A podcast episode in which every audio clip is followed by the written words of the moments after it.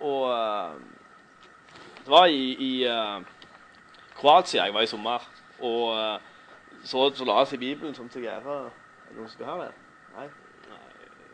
Ja. Jeg sendte sånn stort sett hver morgen. Så det la i apostelgjerningene kapittel 10, for jeg holdt på med apostelgjerningene. Blaffa gjennom fra en til annen. Og apostelgjerningene kapittel 10 handler om Peter og Kornelius. Vet ikke om dere kjenner historien. Men det er jo når Peter på en måte blir kalt til å gå til en som ikke er jøde. Og uh, det er en historie jeg har lest greiene mange ganger men, og tenkt liksom litt rundt den. Men egentlig, når jeg så det, så plutselig kom det noen helt nye tanker inn i hodet mitt i den settingen med den historien der, som uh, fikk meg til å gå en liten sånn ransakelsesprosess. Og forhåpentligvis så kan dere få litt ut av de tankene. For inn i historien der så møter vi jo to personer. Peter, han er jøde. Uh, han har alltid vært jøde, og han, uh, av hele hans kultur, tanke og væremåte, og ikke minst klesstil og hva mat de spiser og alt, så er han gjennomsyra jøde. Og uh, for en jøde så er de har utrolig mange regler på hvordan de skal leve og være. Og en veldig veldig viktig ting for en jøde handler om å være rein. Da skal maten være ren, de skal dele melkeprodukt med kjøttprodukt, og de skal dele, dele korn med melk, og de er veldig sånn, striksne på hva de får lov til å ete, hva dyr som er lovlig å ete, hva dyr som ikke er lovlig å ete. Og de har også strenge regler på hvem de får lov til å henge med. En jøde henger ikke med en hedning. Han kan snakke med en som ikke er jøde, men han kan ikke dele mat med en som ikke er jøde. For han skal ikke ha et sånt sterkt fellesskap med en som ikke er jøde. Og Dette her handler om at han ikke skal bli urein. For jeg har en idé om at det å henge med en som ikke er jøde, det gjør deg urein. Da blir du påvirket av hans tanker, hans verdishet og hans ting og tang, sier at du har vi sagt, vil gli vekk fra jødedommen og det å leve så strengt som de skal gjøre. På andre sida møter vi Kornelius. Og uh, helt i starten av apostelgjerningen 10 så får vi en liten introduksjon med hvem Kornelius er. Og Det står at han var en offiser i den italiske bataljonen. Den italiske bataljonen, eller italiske, ikke hvordan det uttales, men det var en bataljon på ca. 600 mann, altså en hær på 600 mann, der alle var rekruttert fra Italia. Så han var med andre ord en mann i en ganske høyt ansett posisjon, en hærfører. Og han introduseres som en rik mann òg, han har en del penger, han har en del uh, velferd. Og det står at han faktisk da gav mye av sitt for å hjelpe fattige jøder og at han var en mann av bønn. Så han hadde tydeligvis hatt en viss sympati for jødedommen. Men han var fortsatt en som leda en hær som var av, av okkupasjonsmakta. Så han var en fiende for jødene sin del. En som ikke hørte til der, en fremmede. Og en som de ja, ikke så opp til. Det var store stridigheter mellom jødene og romerne. Og så jeg leser litt ifra. Jeg kommer ikke til å lese alt i hop i gjerne kapittel 10, for det var litt mye, men jeg tenker noen bruddstykker. Det som jeg på en måte ser relevant. Men uh, kapittel ja, kapittel 10, ja, men vers 3 til 6, egentlig. Litt uti 6. Så um, leser jeg Fordi det blaffer opp, kanskje.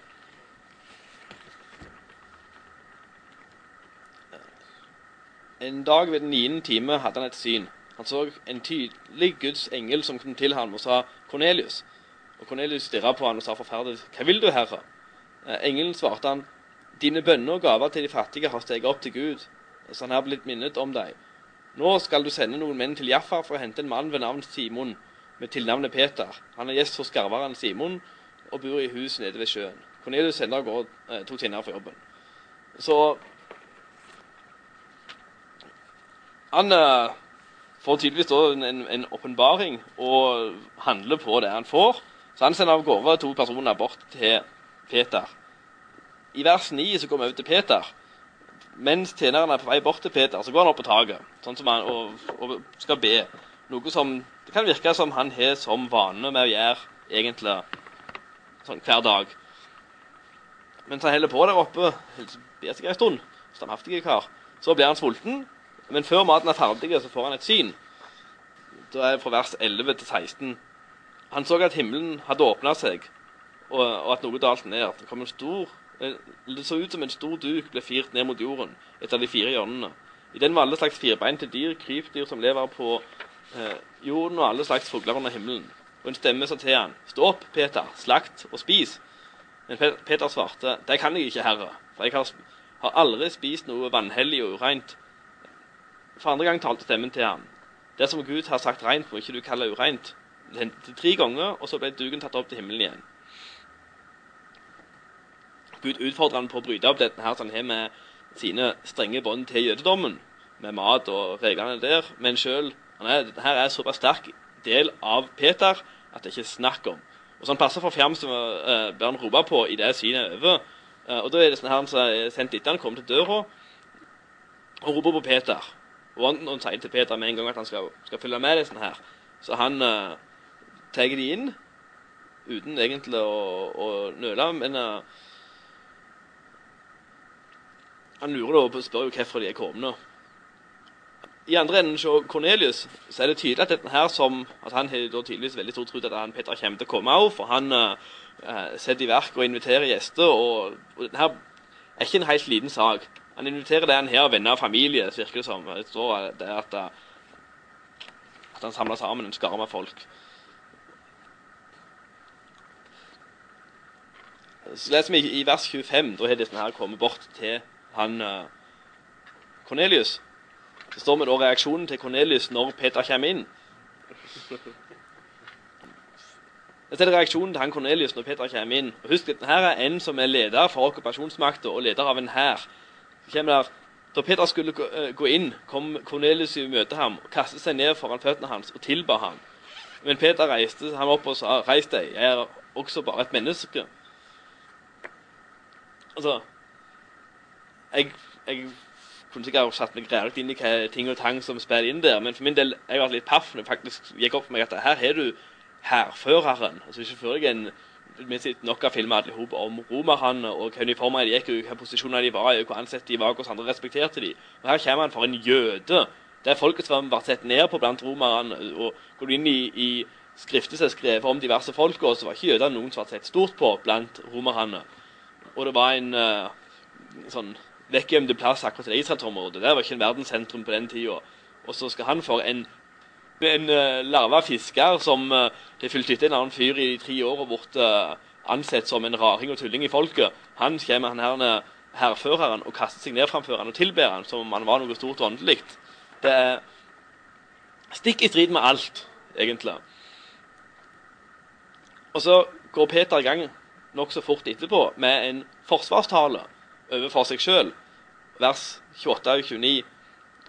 Han sa til dem dere vet at det ikke er tillatt for en jøde å omgås eller besøke noen fra et annet folk, men Gud har vist meg at jeg ikke skal kalle noe menneske vanhellig eller ureint.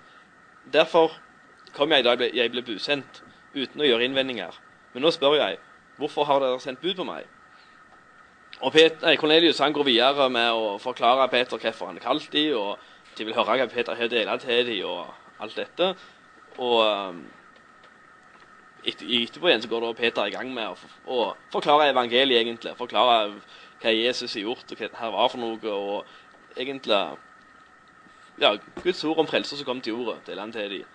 Og så står det da at uh, Den hellige ånd kom over alle, og de talte i tunge og lovpriste Gud.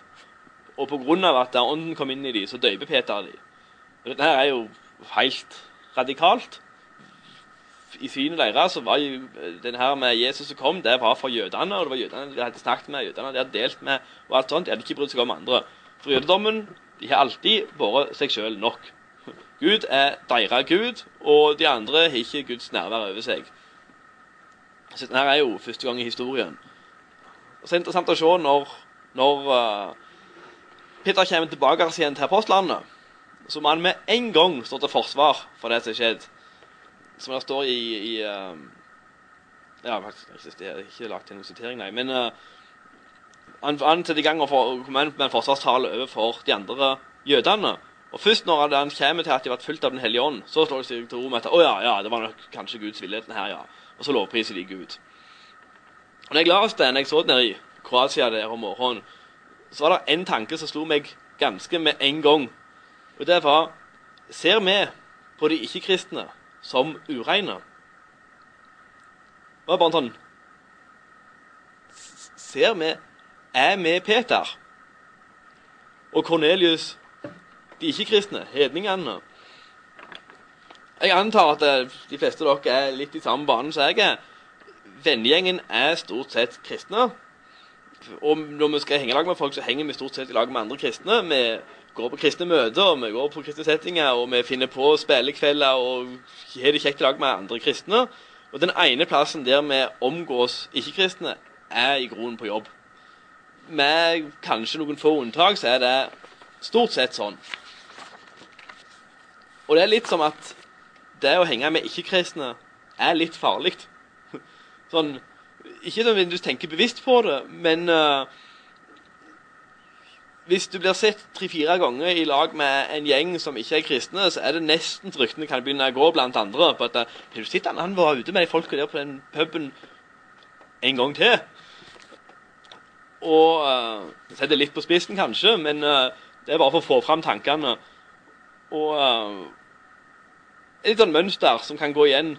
Altså, Din egen identitet er bygd opp rundt det å være kristen. Og du hører til en menighet, og alltid hører til en menighet, og det å gå i en menighet og til et kristent fellesskap, det er en del av den du er. Og skulle du bli spurt med av en ikke-kristen om å være med på noe, så er det litt sånn Spør han meg? Og så må han tenke seg om tre ganger på For at egentlig så har han lyst til å være med på den spillekvelden en invitert med på, eller egentlig så har han lyst til å være med og gå på det møtet som han skulle gå på. Og Nei, jeg er jo ikke en sånn som går på sånne ting. Tanken som kommer opp. Og det er litt som at jeg, hvis jeg går på fest, det er jo på en måte å skitne seg litt til. Litt sånn til det synet Peter fikk med at da, her får han på en måte, Du skal tre ut i det ukjente og gå til en, en som ikke er jøde. Og så er, det, er han egentlig motvillig på at nei, nei, her vil jeg ikke. Men han virkelig prøver å si ja, OK, får heller gjøre det. Og hvis en da skulle faktisk finne på å, å, å være med de ikke-kristne på den settingen der en ble spurt med, eller hva det nå skal være, eller om en så tok støtet sjøl bevisst uten at en var invitert med på noe, men går i en setting der det er ja, ikke-kristen atferd, så kjenner en seg litt malplassert. Litt sånn, det, er ikke, det er langt utenfor komfortsonen. Og en kan gjerne poengtere ved flere anledninger mens en snakker med andre om at dette her er noe jeg ikke gjør til vanlig, og dette her er ikke helt det jeg hører til, og det er ikke sånn jeg vanligvis driver med dette her. Og når en treffer igjen sin egen vennegjeng igjen, så kan en måtte komme i den at Hva er du ute på i går? Ja, jeg var med noen folk på noe sånt og sånt. Å, var du det? Og så må en nesten gå til forsvarstale på hvorfor en var der framfor på å være med på møtet. Og hvis det er noe som gjentar seg, så kan folk nesten begynne å snakke om at han er falt litt ifra, han der. Han har ikke vært så mye på møte i det siste. Og tenker jeg sjøl altså, Dette var egentlig tanker som jeg, jeg begynte å sjølransake meg på. Jeg kjente meg igjen i veldig mange av tankene. Jeg tenkte selv at jeg, ja, det der mønsteret der, det følger nok meg litt oftere enn det jeg ønsker. Og jeg har sjøl både måttet stå til regnskap overfor kristne når jeg har vært på ikke-kristne ting. Ikke sånn at de på en måte har hatt nå skal vi sjekke om dette her var med rett intensjon at det var der. Men likevel at de, du sjøl automatisk begynner å gå inn i forsvarstale for å forsvare hvorfor det var der. Og at ja, ja, vi må jo nå dem òg, så vi må jo henge med dem av og til. Litt der. Og så leser jeg om Jesus. Uh, Lukas 15, 1-2. Så står der Alle tollere og syndere holdt seg nær til Jesus for å høre ham. Fariseerne og de skriftlærde klaget og sa denne mannen tar imot syndere og spiser sammen med dem.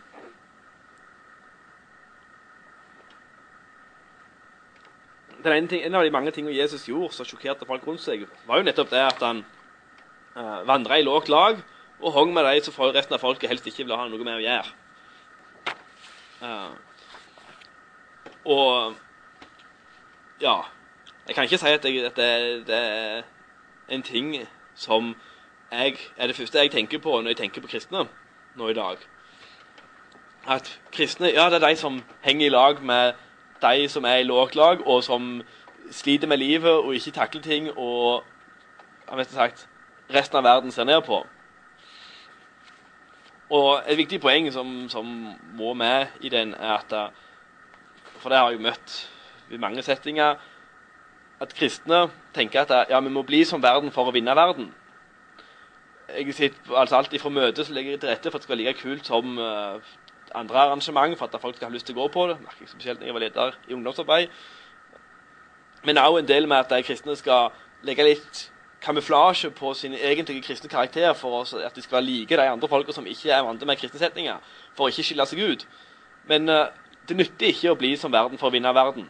Det eneste du oppnår, er at verden vinner deg. Og ser du en bror som er på vei ut i å bli som verden, så er du rett av å ta han til rettes. For du oppnår ikke det med Altså, Jesus tiltrakk seg mange folk, ikke fordi han var lik dem, men fordi han var radikalt annerledes. Alle folka som kom til Jesus og hang med han, gjorde det fordi han var helt annerledes alt annet enn det de hadde sett og møtt av folk. Jeg, hvis jeg går tilbake i tid, så er det ganske mange som har jeg har møtt i ikke-kristne setninger, altså forsvart sin atferd der de har gjort ting de ikke burde gjort, med at jo, jo, men vi skal jo nå dem.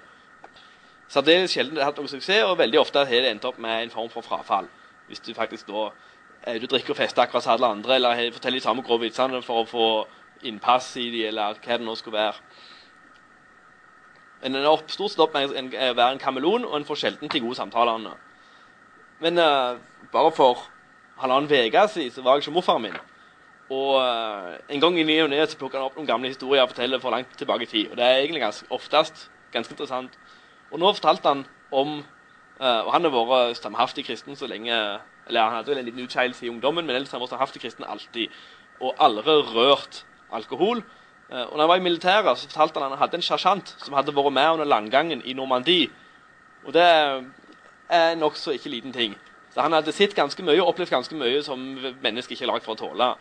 Så han uh, bar mye preg av det. Han snakket visstnok aldri om det, men han bar veldig preg av det og var en periodedanker.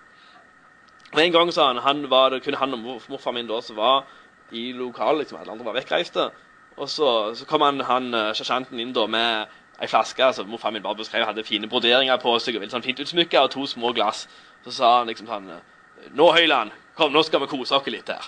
Og så Uh, satte han glasset på bordet og flaska ned. Og så sa morfar min det at uh, Nei, skal nok ikke ha noe, jeg. Jo, jo, jo, litt et glass. Du kjenner ingenting på det. Uh, nei, han skal ikke ha noen ting, sier han. Og så takket fint nei. Liksom. Det var ikke nummer ut av det, han bare takket fint nei. Og, og så sa han Så tok sersjanten begge glassene i neven og flaska i andre neven, og så snudde han ryggen til. Så så han litt, helt stilt. Så sa han, svarte han, eller sa han med tjukk stemme Du er heldig, du, Høyland. Og så forsvant han inn på kontoret. Og så sa han at det gikk ganske lang tid før han kom ut, og det bare gikk han rett inn i lokalet ut. Det morfaren min møtte, var respekt. Hadde han tatt en drammen der, så hadde de sittet der og ikke snakket i lag. Men uh, han møtte respekt, og han andre anerkjente det at uh, morfar min hadde det bedre. Han så at han her har noe jeg ikke har, og han har det bedre. Og med egen erfaring tilbake i tid, så hvis du er med ikke-kristne, men har dine egne verdier og står standhaftig på dem og ikke går på kompromiss, så møter du respekt. Du møter mer respekt enn du møter at uh, du er sær og rar. Det som gir dårlig, kristne dårlig rykte, er stort sett når du ikke går på, altså, når du går på kompromiss med det du tror på.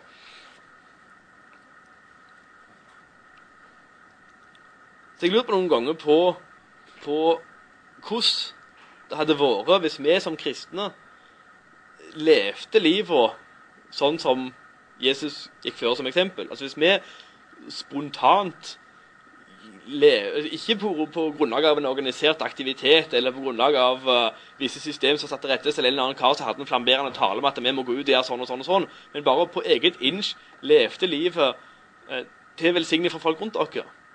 At vi brukte tid og energi på å være med og henge med de som var i lågt lagd og, og sleit med livet eller drev med ugagn eller uh, ikke var vel ansett i samfunnet. Ja, Vi er jo lett for å tenke at ja, vi er ikke så flinke til sånne og sånne type ting. Så nå, nå, skal vi lage en organisert aktivitet der vi går ut og gjør det vi burde gjort. Og Neste øyeblikk så står vi nede på torget med banner og flagg akkurat som et annet politisk parti og skal flagge kristendommen vår. Og Vel og bra, jeg skal ikke si noe imot å drive på sånn, men uh, men du får ikke mer oppmerksomhet enn det du gjør som politisk parti. Du får profilert kirka di og menigheten din så folk vet den eksisterer. Men uh, folk rundt opplever det som, som en annen sånn en organisasjon eller pliktoppfyllende ting. Hvordan ville det vært hvis folk opplevde at kristne var de som oppriktig brydde seg? De som av karakter, av hvem de var, og hva liv de levde, så var det bare Han er en kristen. Du ser måten han lever på. Han er en kristen. Du ser hva, hva, hva han gjør for noe. Og de som kanskje vi eneste vi assosierer til som lever kanskje litt sånn, er, er Frelsesarmeen. Men da er de igjen satt inn i en organisert setting, der du har satt uh, uniformen på og alt det rette, sånn at uh, når de er i den rolla der, så skal de oppføre seg sånn. Da forventes det av dem.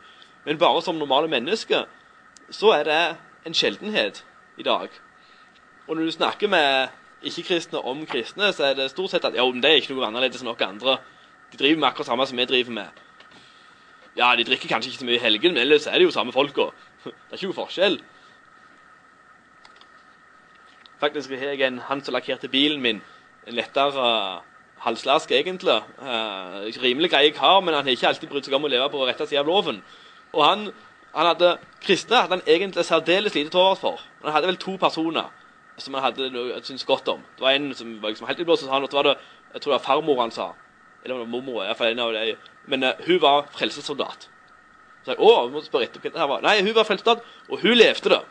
Hun levde det fullt ut. Det var liksom, det var det var den tingen som, som hadde betydd noe for henne når det gjaldt kristne. Hun hadde alltid gått for det og bare levd livet sitt til velsignelse for andre. Og Det var mer enn det her andre som han hadde hatt på døra og hadde prøvd å forklare for han, eller ville hatt han med ned på pinsemøte og skulle helbrede han og alt i hop. Det var noe tull, sa han. Det var uh, like taska som alle andre hadde svart arbeid til å i huset, de òg, sa han. Men hun, farmor mi, eller om det var mormor, som sagt, husker ikke akkurat det, men uh, hun hadde alltid vært med og hjulpet folk og stilt opp for folk, og det hadde satt inntrykk hos han. Så bare spant jeg med tanken Hvis vi hadde brukt 40% mindre tid i menigheten og tok akkurat den samme tida ut på gata Ikke nødvendigvis for at nå skal vi gå ut og drive arbeid, men eh, vi brukte den tida der på å, å, gjøre godt mot folk. Og det er jo enda plutselig inne på at vi skal få et organisert system på det. Men det var bare en hypotetisk tanke på at det der var noe som drev oss sjøl som en indre motivasjon. Hvordan hadde ting blitt? Hvordan hadde menigheten blitt? Hadde vi merka mye forskjell på at det var mindre kreft i menigheten? Hadde jeg trukket flere folk til menigheten på sikt, som har forstått om jeg bidro i menigheten, så kanskje vi hadde fått mer på sikt uansett. Men uh, vår omdøp i verden rundt dere Vi en tendens for å drive menighet der vi lager veldig fint og flott og håper folk kommer en vakker dag. Og legger til rette med møter som skal være søkervennlige og alt slikt. Gå derfor ut. Ikke samle derfor inn. Det er nok av alenemødre som sliter med å få dag i barnevakt, eller folk som trenger å male huset sitt som ikke får gjort det, eller folk som uh, sliter med å betale regningene sine, eller som uh, bor på gata for den del, for å ta de som det har gått helt skeis med. Men hovedproblemet i Norge er egentlig ikke folk som bor på gata. Norges største problem er ensomhet. Folk som ja, enten har for tidlig ute med å stifte familie og står alene om det og aldri får komme seg ut i helgegrunn og truffe venner, eller eldre folk som sitter for seg sjøl og ikke har særlig mange folk å omgås med. Og hvis kristne var de som de sa at vet du hva, kristne folk de, de henger med gamle folk. Folk som sitter hjemme, er ikke noe bedre å gjøre på. De får besøk av kristne, og så tar de med ut på kino. Så, samme hva det var for noe, de, de henger med dem. Det hadde vært noe som folk hadde lagt merke til.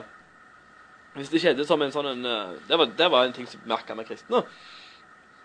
Og jeg er lett for å tenke at, eh, at, eh, hvis det bare hadde skjedd flere under, hvis det bare hadde, hadde skjedd noen store mirakel, så hadde folk kommet til kirka. Da hadde, hadde, alt vært så godt med en gang. Men så la seg, her kommer det glass videre i apostlenes gjerninger. La seg utover resten av den ferien, egentlig. Så var det noe som, som jeg merket til, som jeg ikke tenkte så mye over tidligere. Sånn atter ting det var når du fulgte Peter og etter hvert Paulus, når de kom til diverse menigheter, så står det veldig lite om under. Ved enkelte anledninger. Men da er det nesten som om det var veldig spesielt. Det står en del plasser at de helbreder de syke, del merkelser, men ofte så står det ting som Nå bare kan jeg sitere noen av de tingene notert ned i farten. Eh, kapittel 14, vers 1. I Konikum eh, gikk de på samme vis inn i jødenes synagoge, og de fortalte, eh, talte slik at en stor, til, eh, stor, mengde kom til tro, både jøder og grekere. Kapittel 14, vers 21. De forkynte evangeliet i denne byen, og, mange, og vant mange disipler. Kapittel 17, 2-4. Tre sabbater hadde han samtaler med dem ut fra Skriftene. Han åpnet Skriftene for dem og forklarte at Messias måtte lide, stå opp for de døde. Og denne Messias, sa han, er Jesus, han som jeg forkynner dere. Eh, noen av dem ble overbevist og sluttet seg til Paulus og Silas. Eller kapittel 17, vers 11-13. Jødene hadde et edlere sinnelag enn det i Tessalonika, og de tok imot ordet med all velvilje og gransket Skriftene daglig for å se om alt stemte, og mange av dem kom til tro. Og kapittel 17, vers 17, da han kom til Aten I synagogen førte han samtaler med jødene og den som dyrket Gud, og på torget snakket han hver dag med den som traf, han traff der. Gjennomsyre egentlig når han kommer til nye plasser. Når Paulus og når Peter kommer til nye plasser, så går de inn i synagogen og så opp skriftene. Og så forklarer de og går gjennom skriftene plass etter plass etter plass og beviser at Jesus var den Messias de venta på. Når han kommer til Europagos, der de ikke var jøder, men han gikk opp på, på der filosofene drev og snakket i lag og diskuterte de forskjellige nye ideene, så går han ikke i gang med skriftene, men han starter med dere har et alter her oppe der det står 'til en ukjent Gud'. Denne guden her kommer jeg for å fortelle dere om. Og så begynner han å forklare hvem Gud er av karakter. Ikke ut ifra Gamletestamentet, tror han, dette her, men bare ut ifra hva, hva, han sier, bare med å bruke fornuft egentlig til dem. Så ganske mange plasser så er det lagt mye mer vekt på resonnement og resonnering og forklaring og det å gjøre det logisk og det å få folk til å forstå enn under. Det skjedde mye under òg, men mange, de fleste vekkelsene er ikke nødvendigvis pga. under så skjer det vekkelse. Og da når jeg holdt på å lese der, så blafra jeg rundt forbi Bibelen og slo opp en som jeg måtte lete etter før jeg fant. Men uh, Lukas 16, 19-31 så er det en historie som på en måte tar opp akkurat det. Det står der det var en rik mann som kledde seg i purpur og fineste lin. Han, han levde i luksus, levde i fest og luksus, dag etter dag. Men utenfor porten hans lå en fattig mann som het Lasarus, full av verkende sår. Han ønsket bare å få uh, mette seg med som falt, det som falt fra de rikes bord. Uh, hunden kom til og med slikket sårene hans. Så døde den fattige, og engelen bar ham til Abrahams fang. Den rike døde også og ble begravet. Da han slo øynene opp i dødsriket, der han var i pine, så han Abraham langt borte og Lasarus tett inntil ham. Far, Abraham, ropte han, ha barmhjertighet med meg, og send Lasarus hit, så jeg kan få dyppe fingrene i vann og svale tungen min, for jeg pines i denne flammen. Men Abraham svarte, husk, mitt barn, at du fikk det gode mens du levde, og Lasarus fikk det vonde. Nå trøstes hans her, mens du er i pine. Dessuten er det eh, lagd en dyp kløft mellom oss og dere, slik at det som vil komme herifra og til dere, ikke, kan, ikke skal kunne det, og ingen skal gå over fra dere til oss. Da sa den rike, så ber jeg deg, far, at du sender ham til mine brø fem brødre hjemme hos min far og advarer dem, så ikke de også skal komme til dette pinestedet. Men Abraham sa, de har Moses og profetene, de får høre på dem. Han svarte, nei, far, Abraham, men kommer noen til dem fra de døde, vil de omvende seg. Abraham sa, hører de ikke på Moses og profetene? La de seg heller ikke overbevise om noen står opp for de døde. Det er noe med at folk vil ikke tro. Det er et uttrykk i, i medisinen som heter spontan rem, re, eh, remisjon, som omhandler det når kroppen automatisk reparerer seg sjøl. De, de, har et klinisk begrep på når en lunge vokser ut, eller en arm vokser ut, eller noen sånne type ting skjer. For det skjer. Snakker du med en del leger, så sier de at de har opplevd at ting har skjedd de ikke kan forklare. Men de går ikke nødvendigvis til at det finnes noe utenfor denne verden her. De finner et uttrykk på det, og så sier at dette her forstår vi ikke. For hvis de ikke ønsker å se, så ser de ikke. Min teori om at grunnen til at det er veldig mange omfavner denne evolusjonsteorien, er at det er det eneste alternativet de har, utenom å si at det finnes en skaper.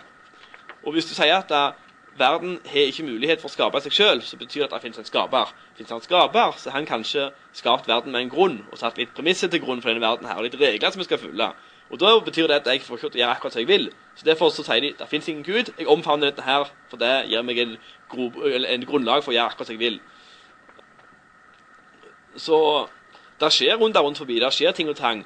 Min tidligere pastor på Bryne, eh, Oddvar Søvik, han uh, fortalte han hadde faktisk han hadde vært borti en del helbredelser ved gitte anledninger. måte fått litt den gaven. Uh, og han hadde vært på sykehus med ei datter til en familie som lå for døden. Så hadde, hadde, han sagt han skulle be for henne. Han hadde vært inne på rommet der mens de andre var ute.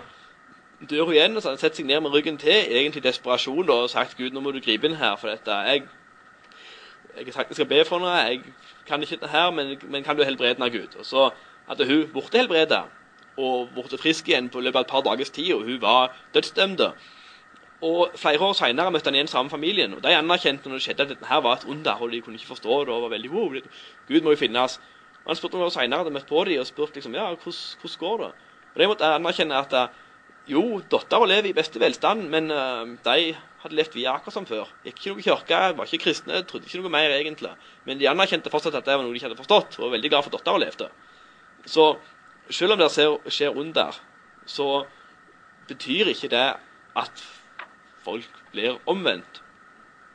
Vil en se, så er det mer enn nok til at folk kan se, men folk vil ikke se. Uh, men det er en annen makt som er veldig sterk, som jeg har veldig god tro på eh, som kan omvende folk. Og det er eksempelets makt. At vi lever som eksempel. Vi kan ønske mange store inngripen av mange store ting og tang, men, men snakk med folk og spør hvorfor noen folk betyr mer for enn andre. Og det er fordi de har statuert et eksempel. Jevnt over er det fordi de har levd på en måte som har gjort inntrykk på dem. Og hvis vi som kristne lever på samme måten som Jesus gjorde, statuerer et eksempel, han, det var akkurat det han gjorde, så vil folk bli tiltrukne. Det er jeg helt overbevist om.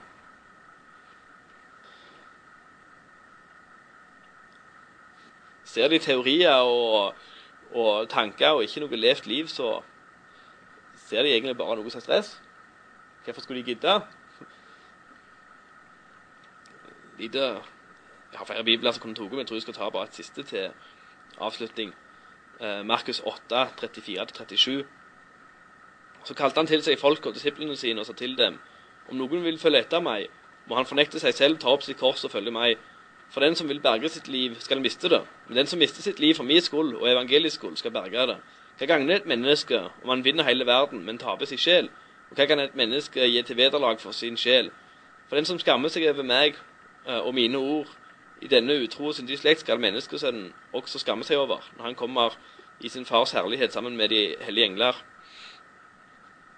Og For å gjenta mitt eget sitat Det nytter ikke å bli som verden for å vinne verden. Det eneste du oppnår, er at verden vinner deg. Men er vi radikalt annerledes, så, så tror jeg folk vil trekke seg til oss.